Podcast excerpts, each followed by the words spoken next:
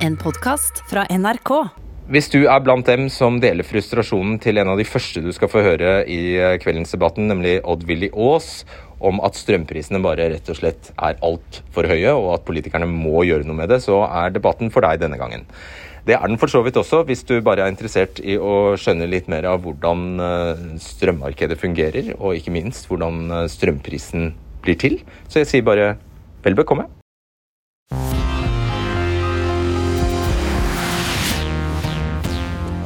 Med nye kabler til utlandet får strømselskapene enda flere kunder, mange millioner europeere som er villige til å betale mye mer for strømmen enn vi er vant til her hjemme. Når det legges nye kabler, sier de norske strømselskapene i realiteten til oss nordmenn vi kan nå selge strømmen til en mye høyere pris i utlandet, men hvis dere fremdeles vil ha strøm i Norge, så har dere to valg.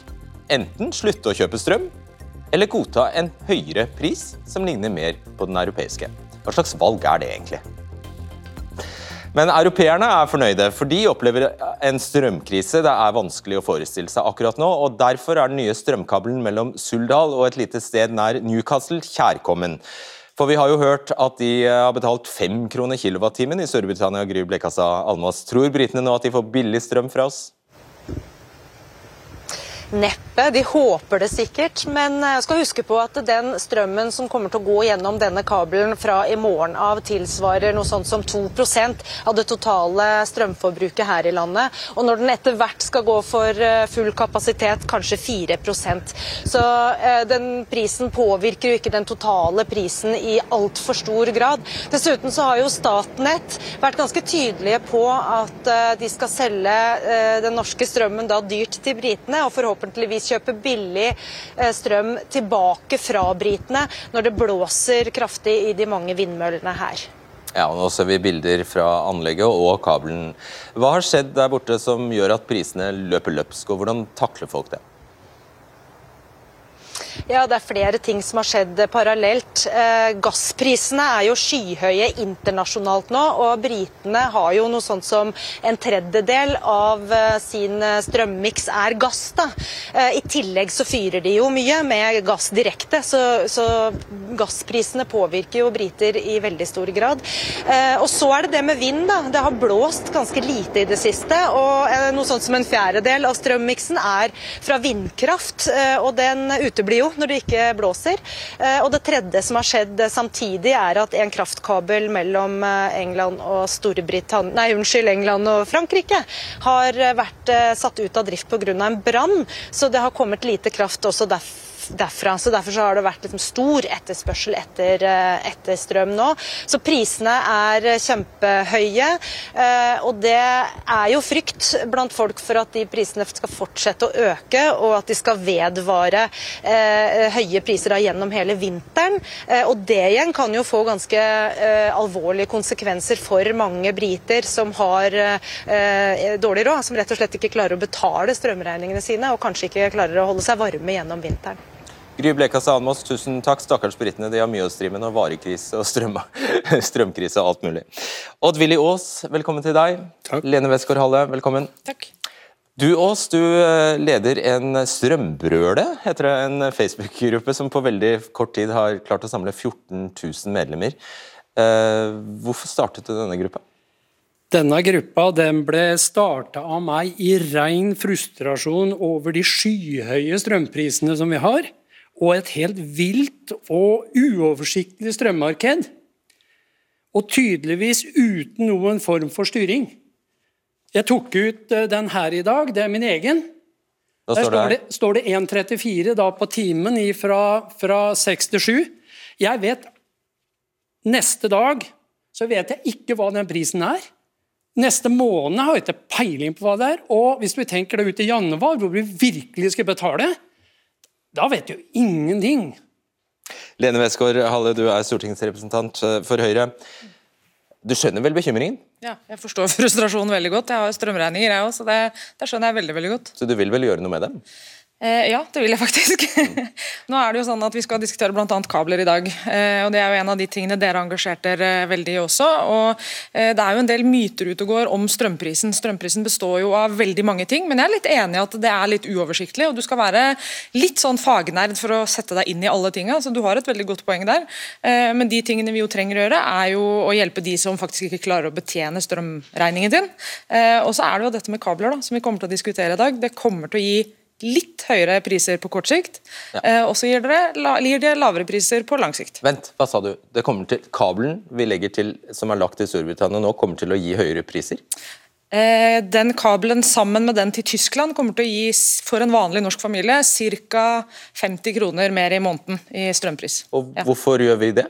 Fordi vi eh, ønsker å sikre forsyningssikkerheten til Norge, sånn at vi alltid har nok strøm i Eh, alle deler av landet. Vi ønsker å kutte utslipp.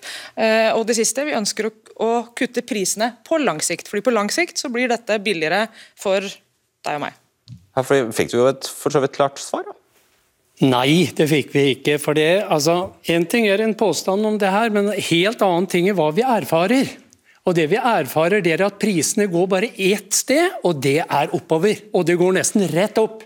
Det er svaret vårt tilbake. Vi har ingen tiltro vi hører på analytikere annenhver dag sier forskjellige ting, men det er ingenting vi kan stole på og planlegge fremover. Hva er det du ber om, da? Det jeg ber om, det er en makspris på 1 krone og 50 øre, inkludert alle avgifter. Det er maksprisen, og helst da ligge under. Men 1,50 er maksprisen på strøm som vi vanlige eh, strømmottakere skal betale. Ja, hvorfor kan vi ikke få det når vi har nær sagt gratis vannkraft i Norge? Ja, altså Makspris kan du få. Du kan jo ha en fastprisavtale på strømregninga di som gjør alt dette her mer forutsigbart. Eh, men nå pleier jo ikke det å lønne seg for oss, da, fordi veldig ofte så er det jo mye lavere pris enn det det er nå. For den prisen som er nå er jo rekordhøy. I fjor så var den rekordlav, bl.a. også fordi vi har kabler. Ehm, men det er jo den sammensetningen som styrer prisen. Eh, og jeg tror nok kanskje at en makspris på 1,50 I utgangspunktet så vil vi at det skal ligge lavere, og jeg tror det også kommer til å ligge, ligge lavere hvis du ikke har med alle avgiftene, selv om de jo er ganske store. Det, han, han, ber jo ikke om, han spør jo ikke, han vil jo ikke, han vil jo ikke ha et profeti fra deg, han vil ha et løfte om at du, du, du vedtar at prisen aldri går over 1,50? Ja, men det kommer ikke til å skje, fordi eh, strømprisen styres av vær, eh, den styres av gassprisen og kullprisen i Europa, eh, så det er mange ting som påvirker som ikke er politiske, da, uavhengig av hvilke hvilke avgifter vi har eller ikke har på strømprisen. Og Det er det vi er så irriterte på når det gjelder strømmarkedet. akkurat det der. For Vi ønsker det at her tas det litt mer styring. Politikere kan ta styring. Ikke noe problem det. Det er som Senterpartiet sa. De sa det at når det gjelder Viken, så kan vi reversere. Samme kan vi gjøre her. Vi kan reversere hele markedet. Ja, det, er, det, er, jo det vi gjør når vi bygger kabler, da, fordi på lang sikt så kommer det til å føre til rimeligere strøm. Han vil ha det motsatte, bare så du skjønner det. Hva sa du? Han vil ha det motsatte, bare så du forstår det. Jeg vet at han ikke vil ha kabler, men Nei. hvis han vil ha lavere strømpris, så kommer kabler på lang sikt til å gi lavere strømpris. Men det du sa, det var at dere politikere har faktisk vedtatt å bygge kabler som fører til økt strømpris i Norge. Vi har, eh, nei, Det fører til økt strømpris på kort sikt, altså ca. 50 kroner for en Hvor, Hva er kort sikt? Eh, kort sikt er frem eh, de neste ni åra, og så etter det så kommer prisen til å gå ned. og bli... I ni år? Har dere vedtatt at prisen skal stige? Vi har ikke vedtatt at prisen skal stige. Vi har vedtatt at vi skal ha kabler som sikrer god forsyningssikkerhet, og som sikrer at vi Du sa eh, at du tror prisen vil stige i ni år som følge av kablene? Den kommer til å stige ca. tror jeg, to til tre øre per kilowattime. Eh, for uh, I dag så ligger vel, nå husker jeg ikke hva prisen ligger på i dag, men i går 110 uh, øre per kilowatt. Så, det så den kan bli høyere enn de to-tre ørene? Sannsynligvis ikke. Den det er ikke sikkert det. den blir så mye høyere. Den kan det?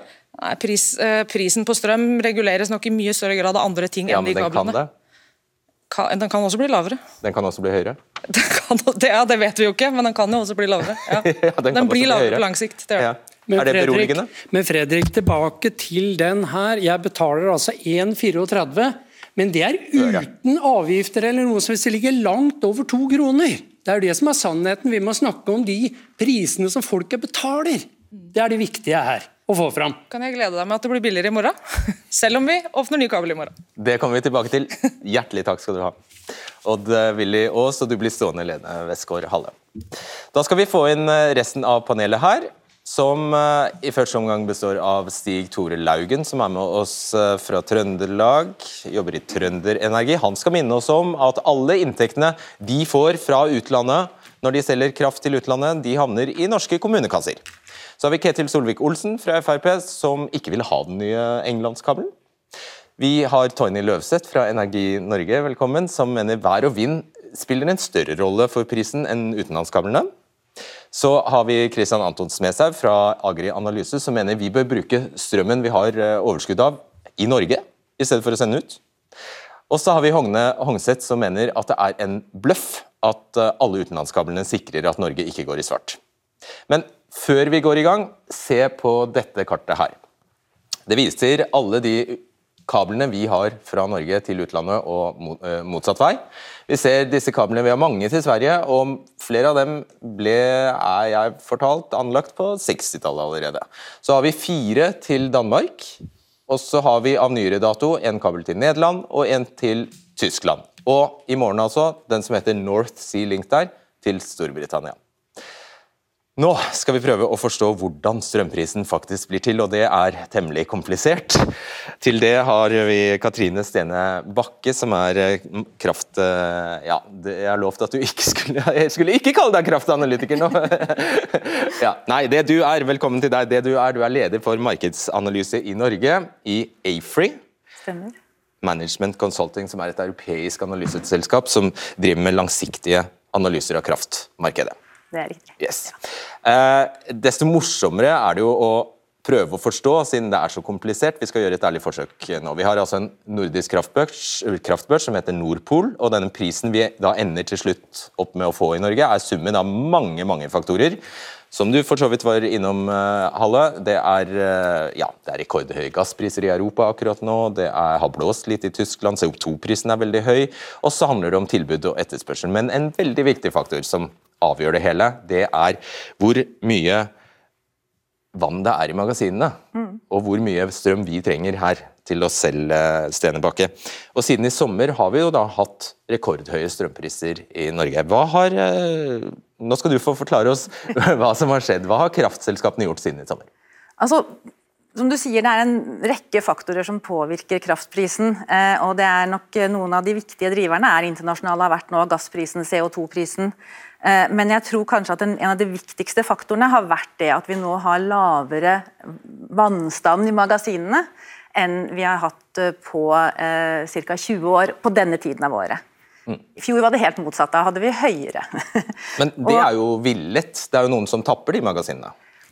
Det er begge deler. Altså når vi gikk inn i sommeren, eh, og i begynnelsen av sommeren, så, så, så hadde vi eh, vann, en vannstand som var egentlig høyere enn normalen, og ganske mye høyere enn normalen på den tiden av året. Og Da er det en rasjonell ting å tenke at når prisen er høy, så kan vi selge denne og eksportere også, og det gir gode inntekter. Eh, og så har vi heldigvis da, i store deler av Norge hatt en fantastisk sommer. Veldig tørr sommer. Og du ser det at det er, har vært mye mindre eh, vann inn i magasinene enn forventa. Men fremdeles har det jo vært lønnsomt for kraftselskapene å tømme magasinene og selge. Fremdeles så har det blitt solgt, men man, selger, man trenger stadig høyere priser for å selge. For man må også være sikre på at man har strøm igjen i magasinet til å møte vinteretterspørselen f.eks. Ja, for de kan ikke bunnskrape det. Det, er, det har de ikke De har, Nei, absolutt ikke. det, Vi er ikke der helt ennå, men det er altså, la oss bare konstatere det først som sist, det er kraftselskapenes jobb og til enhver tid tjene mest mulig penger. Det er derfor de er til. Altså, kraftselskapene sitter på, på mange måter med et, et, stort lager av energi i form av vann. og Dette vannet skal de prøve å disponere på en sånn måte at de skaper best mulig avkastning for eierne sine. Og Eierne det er staten eh, gjennom Statkraft, og det er norske kommuner. i all stor, stor, altså Det er de som eier vannkraften i Norge gjennom disse selskapene. Eh, og ja, så det, så det, er riktig. Det, Deres ja. rolle er da sant, innenfor rammen av De skal selge, selge dyrest mulig? Ja, de skal ja. egentlig selge dyrest mulig uh, innenfor rammen av forsyningssikkerhet. Uh, og innenfor rammen av en god forvaltning av vassdrag og elver. altså Man skal unngå at det blir flom om våren og den type ting. Ja, ikke sant. Men så er det altså vi har en, La oss bruke Tyskland som eksempel. Vi har jo som vi så en kabel dit. Um, og Vi har altså eksportert til Tyskland siden i, i sommer. Hvorfor har kraftselskapene gjort det? Her tror jeg det er litt viktig med en liten sånn begrepsavklaring. For det er ikke kraftselskapene som selger til Tyskland. Altså Kraftselskapene i Norge, de, altså de som produserer strøm i Norge, de selger strøm på den nordiske børsen. Til den prisen som vi har i Norden. Ja. Eh, når du da har kabler ut av landet, som til Tyskland, og prisen i Tyskland er høyere, så vil det flyte strøm, hvis for å kalle det det, Ja, ja. på den kabelen. Og så vil tyske forbrukere kunne kjøpe den i Tyskland til den tyske prisen. Ja. Og den prisforskjellen der er det kabeleieren som får, og i Norge er den kabeleieren det er Statnett. Ja. Eh, sånn at eh, de norske Altså kraft eh, pri, Prisen i Norge blir litt høyere fordi at vi har denne kabelen. Men eh, det er ikke hver enkelt aktør som da selger eh, Det går kraft til først inn på børsen, og der, der etableres det en nordisk pris. Ja. Den skal da treffe den tyske prisen, og hvis den tyske prisen det er egentlig vilkåret for at Tyskland i det hele tatt er interessert i å kjøpe norsk kraft, det er jo at den norske kraften er billigere enn den tyske. Hvis ikke Ja. så hadde de jo den, ikke gjort det. Og den fortsetter å være billigere enn den tyske, fordi at denne kabelen har liksom begrensa kapasitet. Mm. ikke sant? Det, dette her, denne kabelen er egentlig bare litt økt forbruk. Altså Vi forbruker mye, norsk industri, vi som forbrukere forbruker mye. altså En kabel gjør litt mer økt forbruk. Eh, og Det vil bety at altså når forbruket går opp, så går etterspørselen litt opp, og den nordiske prisen går litt opp. Men Ja. den går ikke opp så mye at den treffer prisen Vi i får ikke Tyskland. tyske priser, vi får ikke tyske men vi priser. får høyere priser. Vi får litt høyere priser. Ja. Eh, hvorfor importerer vi ikke hele Er det for komplisert å forklare? Hvorfor vi ikke bare får hele den tyske prisen? Nei, Det er rett og slett fordi at, eh, at eh, selv om prisen i Tyskland er mye høyere, eh, så klar, er det begrenset altså, I en, i en kabelen time da, så er ikke kabelen stor nok eh, til, å, til at, den, at vi på en måte tar all overskuddsstrømmen vår ut. Da. Og vi kan ikke, nei, ikke sant? Kablene er for smale til at vi kan sende eh, så mye kraft at vi ville ha fått den tyske prisen. Ja. Ja, Men vi får en høyere eh, kraftpris sier du, i Norge som følge av kablene. Så når North Sea Link da åpner til Storbritannia i morgen eh, Der har de jo hatt skyhøye strømpriser i det siste. Nå bruker de mye gass, men de har hatt skyhøye strømpriser også. Og Når vi da skal eksportere dit, betyr det at vi får enda høyere priser her? Det er den samme mekanismen igjen. ikke sant? Altså, dette her blir da én kabel til.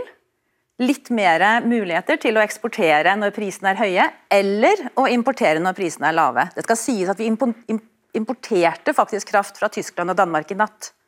Eh, Riktignok så har vi da eksportert igjen når prisene har steget. Eh, men men eh, det er den samme mekanismen. Prisene vil øke litt. Men det er litt sånn som eh, du sa i stad, at eh, hvis man ser det her over lang tid, og liksom beregner det, så er det snakk om noen få øre i kilowatt, per kilowattime. Jo da, men øre blir blir kroner og, og så videre. Så det du sier er at dette systemet nå, når vi legger kabel på kabel, så vil det gradvis føre til at vi får likere strømpris i Norge med Europa. I prinsippet så kan du si at man kan bygge kabler til prisene er mer eller mindre like.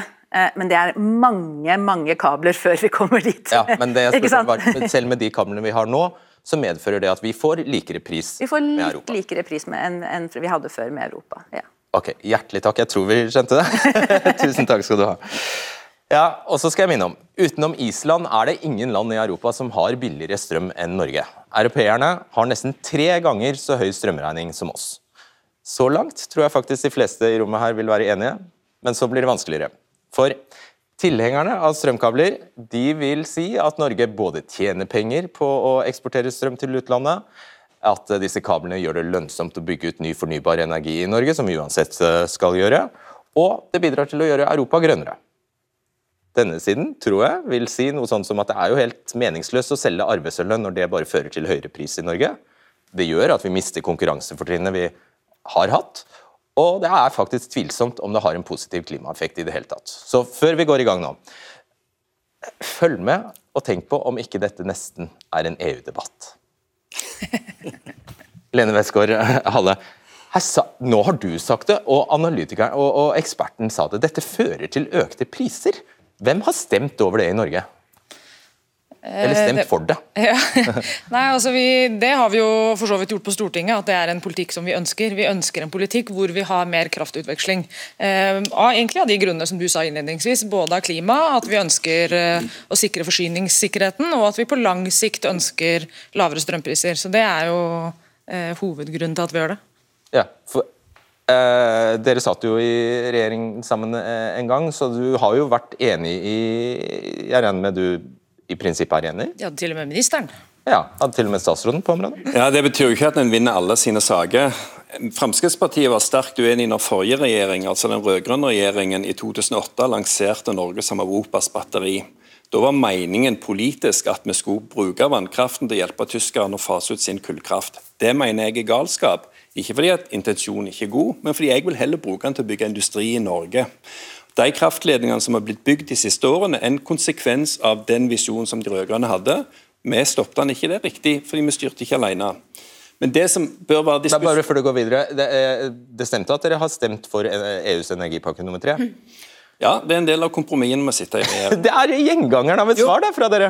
Jo, fordi altså, vi har vunnet mye, og så vinner vi ikke alt. Og vi skal stå inne for det vi Ok, Bare fortsett med det du var i gang. Ja. Men så, Poenget i denne diskusjonen, har vi fått høre fra kraftanalytikeren her at det er Statnett som høster gevinsten av dette, altså staten.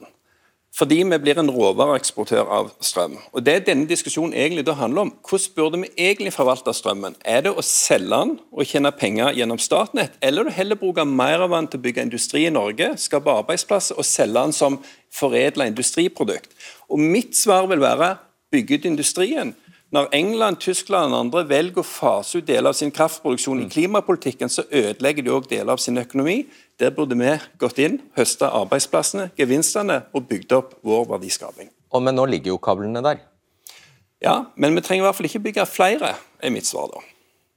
Ja, Men vi har jo utveksling med de kablene vi har. Det har vi, men som du akkurat var inne på, jo flere du bygger, jo mer tilnærmer du deg europeisk prisnivå, og jo mindre konkurransefordel får vi av de naturressursene vi har. Det var et godt poeng fra meg. Det syns jeg.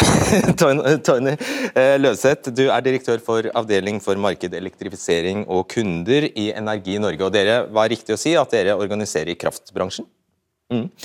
Eh, vi er jo selvforsynt med kraft, så hvorfor i alle dager drive og bygge disse kablene? Ja, er vi selv, selvforsynt alltid, alltid når vi trenger det? Det er litt sånn eh, vi, vi vil jo, I de aller fleste år så vil vi produsere eh, mer kraft enn det vi forbruker over et helt år. Men jeg tror jo at norske forbrukere vil, det vil være mager trøst for norske forbrukere å vite at i løpet av dette året så kommer vi til å produsere nok eh, like mye som dere kommer til å forbruke i løpet av dette året. Den kalde vinteruka i februar hvor eh, produksjonskapasiteten i Norge ikke strekker til. Da trenger vi i sånne eh, situasjoner så trenger vi å kunne flytte mye kraft raskt for, å få det fra utlandet. Ja. ja for, og Da snakker du om det som på fint kalles forsyningssikkerhet. Ja. Og på sommeren, så når kraftprodusentene var snakk om her, vanndisponeringa på sommeren eh, så trenger kraftprodusentene å kvitte seg med vårflommen for å gjøre klart til det de vet kommer på høsten. Vind og regn, det er det vi ser nå i dag. Eh, og da må vi ha en plass å gjøre av den krafta hive den på havet er veldig trasige greier. Det hiver masse verdier på havet. I fjor så heiv vi 15 TWh på havet for at vi ikke hadde noen plasser å sende den eller ingen til å forbruke den. Det er dumt. Dette, kabler, utveksling, er bra. En terawattime, dere. Du sa terawattime. Det er en milliard, milliard kilowattimer. En vanlig norsk eh, husholdning bruker sånn ca. 20 000 kilowattimer i året. Norge bruker ca. 130 terawatt timer i året, og så produserer vi ca. 150 TWh. Så det vi snakker om her, er egentlig at vi eksporterer om lag 20. 20 TWh. Ok, Kristian Anton Smedshaug, du er daglig leder i Agri Analyse, som eies av Norsk Landbrukssamvirke og Norges eh, Bondelag. Du mener dette, disse 20 TWh, er strøm vi trenger selv? Ja, altså, Vi har skrevet et uh, notat på oppdrag fra Norske Skog, som sitter midt oppe i dette dilemmaet med fabrikker i eh, New Zealand, i Frankrike, Østerrike og i Norge. Og det vi ser er at Der industriregimet og du, ikke, du får stadig større variasjon i prisene og en stigende underliggende trend, så blir det vanskelig for industrien å greie seg. Nå ikke vi, sier ikke vi at vi kommer nødvendigvis hit i Norge, men vi er bekymret for at vi nærmer oss en situasjon som vi da har sett i New Zealand, hvor de legger ned fordi prisene blir for høye og variasjonen blir for stor. I Frankrike derimot, så har de nå en, har de 85 eh, stabil kraftforsyning fra kjernekraft, eh, gass og vannkraft. Det har ført til at de kjører betydelige investeringer dit innenfor det faste industrikraftregimet som er der. Det vi ser i Norge nå, det er at de 150 TWh de produserer, de hadde vi en utvekslingsstrategi på med 50 TWh i kabelkapasitet fram til i, i, år, hvor vi la på eh, rundt 25 TWh med Nordlink-kabelen til Tyskland og North Sea eh, Link til Storbritannia. Og Da gikk vi egentlig fra en utvekslingsstrategi til en eksportstrategi. Og Det er egentlig litt av nøkkelen her. Og så sier ikke vi altså, at det bare, bare stopp nå. Det betyr at du, du mener at vi gikk fra faktisk å utveksle, det kom inn det vi importerte og vi eksporterte?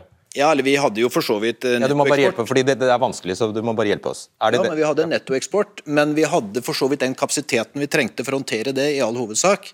Og nå får vi en mye større kapasitet, som gjør at vi får en mer eksportstrategi for kraften. Og Det da industrien er bekymret for, er hvordan går det med industrikontraktene nå, når du får stadig økende underliggende spot, du får større variasjon. og så er det tilbake, Vil vi lenger følge den tradisjonelle industristrategien vi har hatt i Norge, og som generaldirektør Aksel Aabær i Norsk Hydro sa i sin tid? Ja visst skal vi eksportere kraften vår til eh, Europa, vi skal eksportere den i form av varer. Ja, og det var egentlig det du også sa nettopp. Hva sier du til dette? Jeg sier at uh, altså Norge er jo en stolt eksportnasjon. og Det at vi eksporterer varer, det er jo sånn vi har slått oss opp i Norge. Det er jo derfor vi har det sånn som vi har. Det er derfor vi har den velferdsstaten vi har. Og jeg synes jo Det er veldig rart da, at gutta på andre sida her sier at eksport er greit, men bare ikke strøm. Vi kan eksportere fisk, kjempebra. Vi kan eksportere olje, kjempebra, helt knall. Men strøm det skal vi ikke eksportere. Um, og Så sier Agri Analyse her at det er viktig at man skal dempe variasjonene. og Det synes jeg er veldig interessant, og jeg er veldig enig, for det er et viktig poeng. Og det er viktig for, særlig for industrien. Hadde vi ikke hatt kabler, så hadde de toppene vært ekstremt mye høyere, for så vidt bunnene også lavere, men da hadde vi istedenfor å ha ekstreme strømpriser som vi har akkurat nå, en gang hvert tiende år, så hadde vi hatt det flere ganger i året. Og det ønsker vi jo ikke. Vil du, hvem vil svare kort på det? Vil du? Altså, jeg syns ikke det er relevant å sammenligne eksport av fisk med eksport av, av strøm, fordi at fisk har i kjempestore mengder, akkurat som vi har olje og gass i kjempestore mengder. Men strøm er faktisk en knapphetsfaktor tidvis. og det gjør at Du kan godt snakke Fredrik, om at tidvis så har vi 20 TWh i overskudd. Utfordringen for kraftbransjen er jo nettopp været, som gjør at tidvis har vi òg et kraftig underskudd. Så derfor, Dette er ikke svart-hvitt at de bare er slemme, men det viktige her å ha i bånn en strategi om at vi ønsker å utvikle industrien sånn at vi bruker strømmen til industriutvikling, ikke bare som råvareeksportør. Det syns jeg forsvinner litt i dette. Nettopp. Da, eh, Hogne Hongseth, du er styremedlem i Industriaksjonen. Det er en grasrotorganisasjon, eller aksjon, i LO. Du er tidligere informasjonssjef i Statoil, og så har du bakgrunn som spesialrådgiver i fagforbundet Industri Energi. På hvilken måte vil norske strømkunder merke at vi nå har fått en, enda en ny utenlandskabel? Det vil jo merkes på den måten som eh, de på andre siden forsøker å snakke ned. At det blir to-tre øre, eller hva det blir. Han som opptrådte først, her, han fortalte meg litt hva realiteten er. da. Men strømkundene vil nok merke dette her. Og Hvis jeg kan si noe som kanskje overrasker deg, så er det faktisk en fordel at vi fikk denne skikkelige strømsjokket nå. Jeg syns det er faktisk en, en stor fordel. Fordi at det får nå folk og politisk miljø til å skjønne at den, den, energipolitikken som har vært drevet lenge, og av mange regjeringer, hvor kraftbransjen i Norge har fått i hovedsak styre energipolitikken, den gir seg nå disse utslagene. Og Det er ganske spesielt fordi at eh, vi lar ikke, vi lar ikke legemiddelindustrien styre helsepolitikken eller våpenindustrien styre forsvarspolitikken. så Derfor så bør det nå komme en reaksjon på at vi tar tilbake politisk styring av kraftbransjen. Og da er det en ja, Du vil ikke at det skal være et marked i det hele tatt? At det ikke skal være mulig å selge kraft, eller? Selvsagt. Selvsagt. Hvor mye da? Men du vil ha et, et tak på hvor mye man kan selge? Nei, jeg vil at vi skal inn og gjøre akkurat det som nå sies. At vi tar kontroll over koblingene mot utlandet. Fordi at det som sies her om at Og med kontroll vi, mener du stenge av? Ja, Du kan godt stenge av. De fire siste kablene kunne du godt stenge av uten at det berørte vår forsyningssikkerhet. For etter 1993 så er alle kablene som er bygd, de har ingen betydning egentlig for forsyningssikkerheten. Vi, hadde, vi eksporterte 20, nesten 21 TWh i år 2000 før noen av disse kablene ble bygd. Så Det å snakke om forsyningssikkerhet er egentlig en, en avsporing. da. Men hvis jeg kan få lov å... Ja, ja, du Kom tilbake til det. Ja. Uh, ja, Han kaller det en avsporing. Jeg, jeg, jeg parafraserte han i sted som at det var en bløff. At, det, at, det, at vi ikke trenger det til ja. sikkerhet? Igjen, det at vi kan importere 20 eh, terawatt i, året, at vi kunne det allerede i 1993. Det er ingen trøst den kalde vinteruka i februar hvor vi er nødt til å få flytta mye energi akkurat da. Det, ingen, det, går heller ikke an å ringe danskene og si at vær så snill, kan ikke spre denne vindkraftproduksjonen deres over hele året, for akkurat nå har vi ikke plass til mer gratis vindkraft. i siste gang, siste gang vi netto importerte kraft, det er over ti år siden det er over ti år siden siste gang. og Da importerte vi 10-11 TWh. Og Vi veksler ut, men, med nettoimport, som har forsyningssikkerheten, er at når vi kommer i underskudd, at vi kan importere. Så Dette er en, en komplisert eh, sak, men det overdrives nå så voldsomt at disse kablene er behov, har, er behov for, for dette. her. Vi har altså hatt full forsyningssikkerhet før de to siste kablene kom. Ja. Det har du sagt. det er fint. Eh, da skal vi bare ha med oss eh, en sistemann her. Det er eh, Stig Tore Laugen. Du er direktør for kommunikasjon og samfunnsansvar i Trønder Energi. Og som de aller fleste, de aller fleste kraftselskapene er jo eid av staten, kommunene eller fylkene, som vi hørte her i sted. Så også dere. Nå er strømprisen i Midt-Norge skjønner jeg, halvparten av det de er på Østlandet. Hvordan kan det ha seg? Nei, det skyldes jo i hovedsak at vi har en eh, god eh, produksjonssituasjon i Midt-Norge og gode linjer. Men også at, har, at, det har blåst mye i Sverige, at vi har fått inn mye svensk vindkraft pga. overføringskablene til Sverige. Så, så, svensk vindkraftproduksjon bidrar til at kraftprisen i Midt-Norge har vært eh, på rundt 50 øre de siste dagene per kilowatt, mot over ei krone på, på Østlandet. Men du kan bekrefte at det selvfølgelig er et mål for Trønderenergi å tjene så mye penger for eierne som overhodet mulig? Ja, nå har jo Trønderenergi, så Vi er jo eid av 18 kommuner i Trøndelag eh, og KLP. og Vi har to hovedformål. Det er å sørge for at landsdelen har nok eh, energiproduksjon, nok produksjon av fornybar energi, og at eierne selvfølgelig får et godt utbytte, sånn at de kan bruke Eh, pengene på å tilby bedre helsetjenester, bedre skole eh, osv. Men så, når vi ser på den situasjonen som, som er nå, da, med, med, litt høyere priser, så vet vi også at det her overføringskablene til utlandet de har jo gjort at prisene i Midt-Norge og i Norge over tid eh, har eh, blitt lavere. Vi har, inn, vi har fått inn strøm, og det flyter eh, flyte bedre. Det, vi har jo hatt dette systemet i over 30 år nå, og, det, og vi vet jo at de prisene har jo vært lave. Vi har stabilt eh, og lave priser i, i Norge og i Midt-Norge konkret. Da. Ja, ok. Siste spørsmål til deg. Hvis det hadde stått i formålsparagrafen til Trønderenergi i stedet for at dere skulle tjene så mye penger som eh, mulig til kommunekassene, hvis det hadde stått i formålsparagrafen at Trønderenergi skal gi billig strøm til trønderne, da måtte dere ha lagt om businessen? Nei, altså vi gir jo billig strøm til trønderne gjennom den produksjonen eh, vi har, men vi ser jo samtidig også hvor sårbare vi er i forhold til vær og vind og meteorologi. Altså vi er avhengig av eh, været rundt oss, og vi er prisgitt at vi får eh, hjelp fra naboene våre når det ikke er gode nok værforhold til å produsere optimalt med, med strøm i Norge.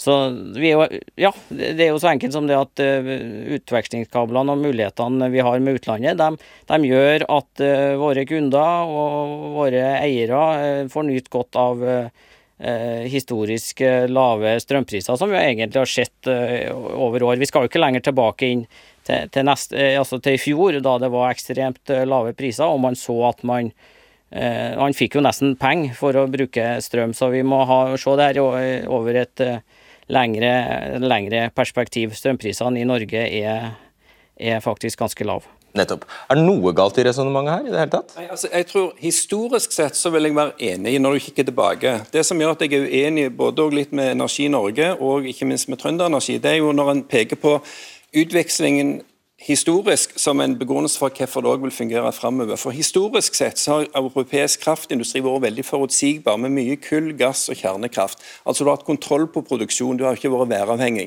Nå er stadig mer av dette, spesielt i Tyskland, blitt væravhengig der òg, vindkraft. Det tilsier altså du får et helt annet prisbilde. Du har helt mye mindre forutsigbarhet på at den kraften vi trenger den uka i februar når det er iskaldt, Hvis det ikke blåser i Tyskland, så har ikke de overskudd i sitt system heller. Da, da er på en måte hele strategien som ligger i bånn, den funker ikke lenger. fordi at klimapolitikken som er ført fra da? Nei, ja, Det er jo nettopp det som er problemet. Klimapolitikken som mange europeiske land har ført, har undergravd deres egen forsyningssikkerhet. og Det er jo derfor de er så opptatt av å koble seg opp til Norge. Men det gjør at den forsikringen dette en gang var, ikke lenger hjelper Norge på samme måten. Det høres helt hasardiøst ut.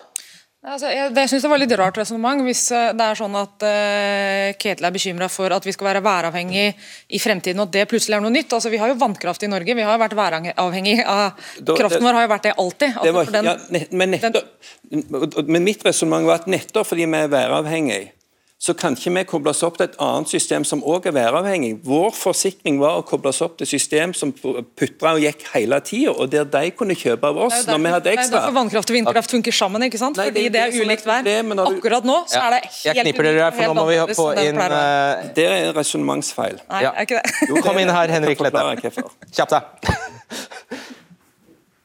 Jeg tror det er du som skal fortjener en gratulasjon i dag. Ja visst, takk Ja, for det. for du eier uh, dere eier uh, den kabelen som legges eh, til som åpnes i England i morgen. Ja, det Vi har prøvedrift på Englandskabelen fra i morgen. Stemmer. Ja. Uh, ja, som vi så, kablene går altså det, det er Statnett som eier veldig mange av dem. Nå skal vi ta en titt på, det som, på hvordan det står til med magasinene, vannmagasinene. Hvor fulle er de nå? Ja, de er på 60-tallet. De er unå, de, de er uvanlig lav fyllingsgrad for sesongen. 60 Ja. Fordi den røde streken her, det er så langt vi har kommet i 2021. Og vi ser da altså at den peker nedover. Hvis den bare fortsetter å peke nedover, hva skjer da? Det som skjer da, er at da importerer vi kraft fra de landene vi har forbindelse til, først og fremst. Ja, Til en dyr eller billig penge? Det kommer jo helt an på prisbildet i de landene på det tidspunktet. Men hvorfor driver dere og tømmer magasinene under medianen, det som er vanlig? For det første så er det ikke det vi som tømmer magasinene, det er kraftprodusentene som gjør Jeg tror Det som er viktig å legge merke til her, at det, det uvanlige er jo ikke at magasinfølgingen var lav i sommer. Den var faktisk litt høyere enn den pleier å være. Det som er uvanlig, er at den slutta å stige på et tidspunkt. Og Det skyldes jo ikke tapping, det skyldes at det ikke regna. Så jeg tror det er et viktig bakteppe her. Det som har skjedd, er at eh, høsten har vært mye tørrere enn det den pleier å være. Og så er det sånn at produsentene produserer. De har et bilde framover hva Og de sitter og analyserer vannmagasinene, været og alt videre. Og tenker hvordan skal vi disponere dette fornuftig nå. Og så vet jeg du var opptatt av at vi nå har varsla stram situasjon i, i deler av Sør-Norge. Og det gjør vi ikke fordi at det er noe krise, eller fordi det er en alvorlig situasjon. Det vi gjør er å peke på at i enkelte lokale områder så er det nå veldig lav magasinfylling, som gjør at vi kan få utfordringer med fleksibiliteten til å koble inn dersom vi får en Men hendelse. Glette, det, det folk ikke skjønner, er at når pila eller streken peker nedover, så fortsetter dere, eller fortsetter kraftselskapene å eksportere. Ja, men Det er ikke kraftselskapene som eksporterer. Kraftselskapene, og Det forklarte jo eh, kollega Katrine tidligere. Det kraftselskapene gjør, er å by inn i et marked det de har tilgjengelig, basert på de planene de har videre. Og Det gjør at noen ganger så er det et overskudd i det døgnet, og det eksporteres. Og så er det jo viktig å understreke det har ikke vært noen stor eksport her. Faktisk så er eksporten hittil i år under snittet for de siste ti år. Og Det er også en viktig parameter her. Og Grunnen til at det nå skjer, er jo at eh, ja, vi har en høy pris i Norge, men prisen i landene rundt oss er enda høyere.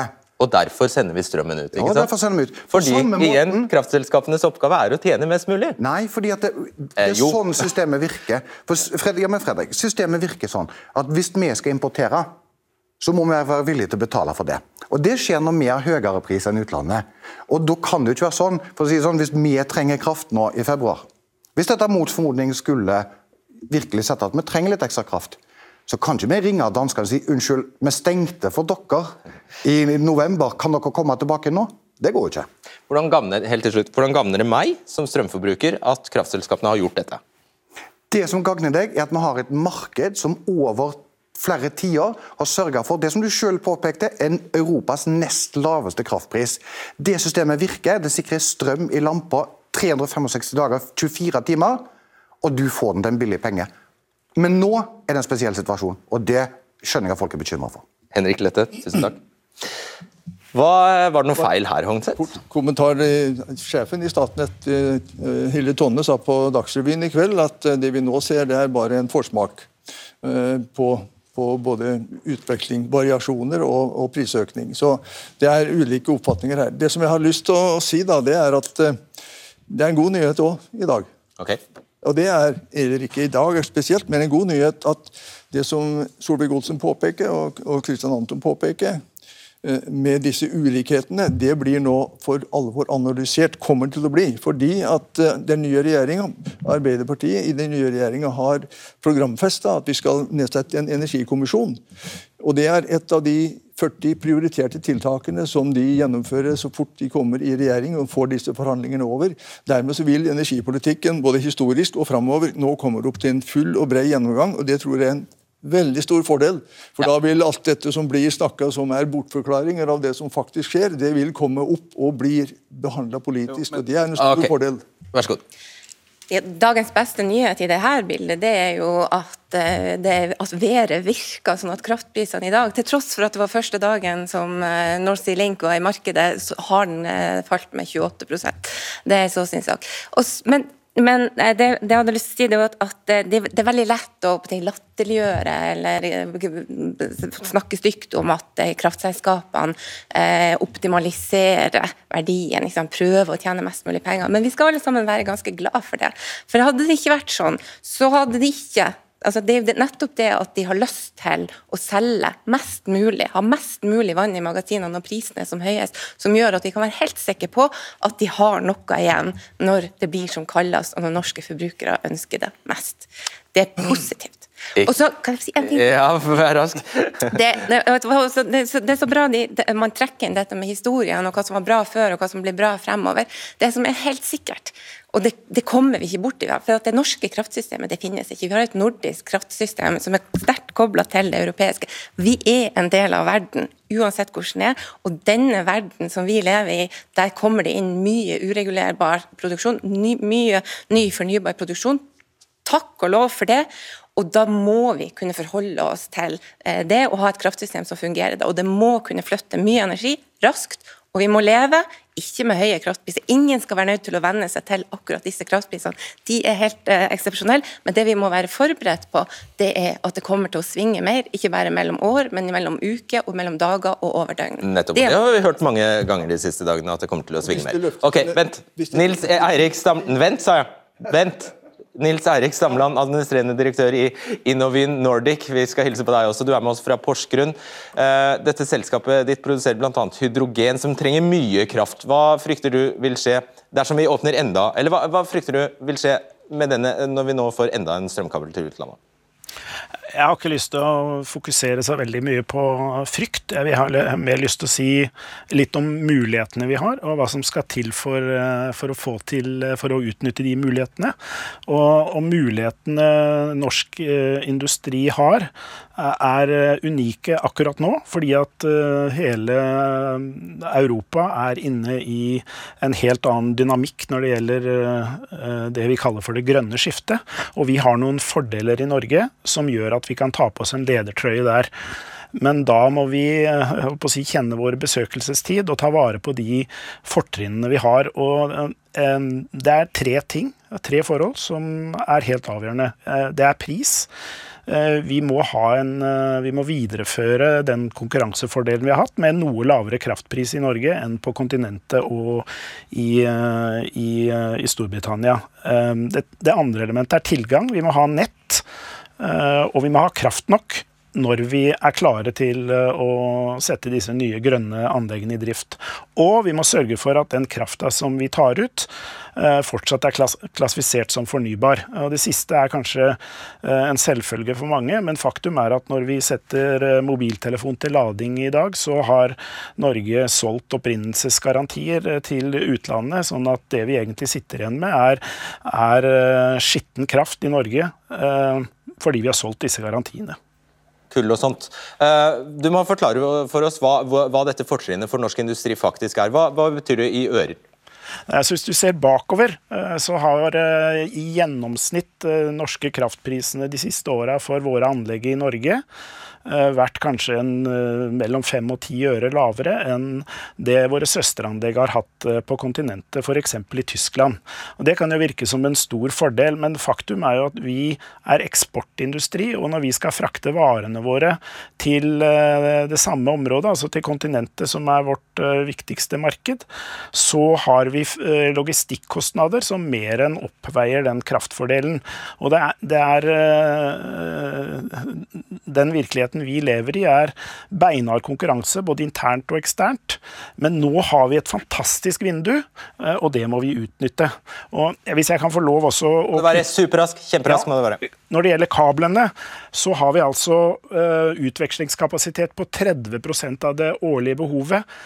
Kablene har tjent oss vel, men framover uh, så må vi si at uh, nok er nok. Da skal du få, få si det du vil si. Altså, Ti øre prisstigning tar hele bunnlinjen i den samlede prosessindustrien i Norge. Eh, med den prisstigningen som vi nå ser, så er det å håpe at de kan leve på lange kontrakter til ting kan normalisere seg. Og Dessuten så har jeg lyst til å si at for den alminnelige forbruker i Norge så møter man dette på to plan. Man får det på sin personlige strømregning og på jobben. Og Også i offentlig sektor, som har milliarder i kostnader på strøm, så, så øker strømregningen, og så reduseres lønnsevnen. Så folk møter det på sin egen private eh, strømregning, pluss på jobben. Hvis de har en jobb å gå til. Nettopp. Nå må du være rask. Jo. Utfordringen her nå det er at vi har et regulerbart fornybart system koblet på et ikke-regulerbart regulerbart fornybart system ikke, som ikke har nok balansekraft. Det er det som skjer i EU.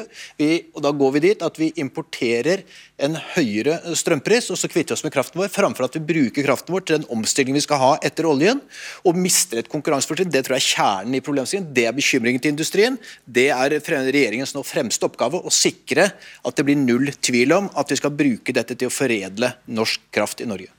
Dere får uh, kjempe om hvem som skal avslutte her.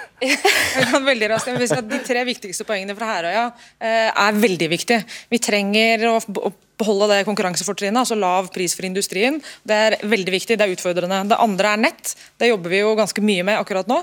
Kommet en egen stortingsmelding på det. Uh, og det siste er å ha nok kraft. Og det er jo en utfordring som vi virkelig må ta tak i. for folk har jo, folk har jo ikke lyst til å bygge kraft lenger. Du, ja, nei, og vi, Da er det jo helt meningsløst å elektrifisere norsk sokkel. Ja, det er en helt egen diskusjon, om det vet du veldig ja, godt. Havvind, havvind, Ketil. Havvind. Den skal vi ta en annen gang. Ja, Alt henger sammen med alt. Hjertelig takk. Jeg håper at det var mulig å begripe. Jeg håper det. Debatten er tilgjengelig i NRK TV fra ca. nå. Og du kan høre oss på podkast, og så kan du skrive til oss på debatten krøllafa nrk.no. På gjensyn til uka.